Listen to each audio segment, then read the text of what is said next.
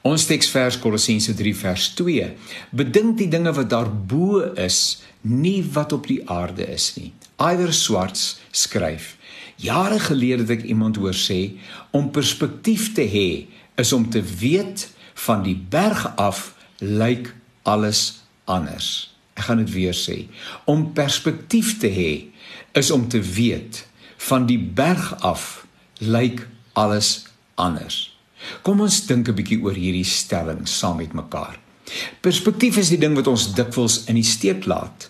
Ons word oorweldig deur omstandighede en bring dinge met mekaar in verband wat eintlik niks met mekaar te doen het nie een ding loop verkeerd en jou hele lewe, roeping, waarde, geloofwaardigheid ensovoorts is skielik in jou gedagtes ter sprake. Jou hele huis stort ineen en jy sukkel om weer op te staan. Jy bevind jouself in die dal van doodskade weer en niks maak sin nie en dat die Here jou herder is, ontwyk jou tans.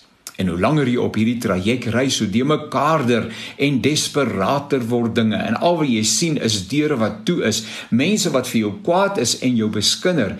Jou posisie as werknemer, ouer, eggenoot, gelowige is ter sprake. Jy voel soos 'n mislukking en die negatiewe gedagtes oorweldig jou tot so 'n mate dat jy nie kan funksioneer nie.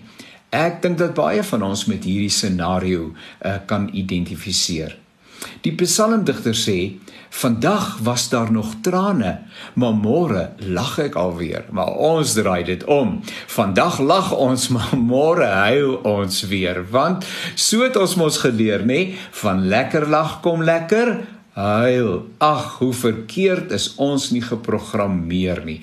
Moet net nie so beleef ons dit en ons dink ander mense sê dit ook vir ons. Moet net nie buite jou kassie beweeg nie. Iemand gaan jou 'n taai kop klap gee en vra, "Wie dink jy wie is jy?" Nee, wat? Dis nie lekker om jou in so 'n posisie te bevind nie. Kom ons dink weer oor die opmerking. Van die berg af lyk alles anders. Maar hoe kom 'n mens op die berg? Kan jy vra. As 'n mens gewoond is aan dal ervarings, hoe vind jy die kronkelpaadjie na bo?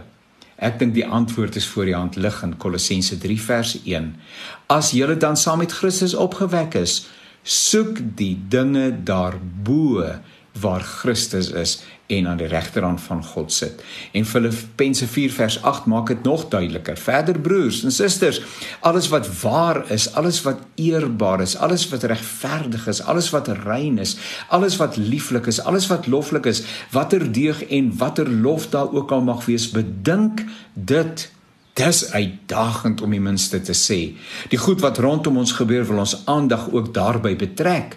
En dat 'n mens nie wêreld of lewensvreemd moet leef en optree nie is so want hoe maak jy 'n verskil? Hoe bid jy as jy nie weet wat rondom jou aangaan nie?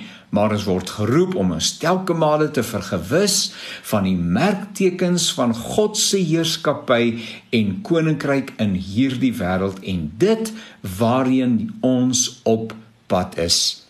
Gekwalifiseerd is die liedjie se woorde waar. This world is not my home. I'm just passing through.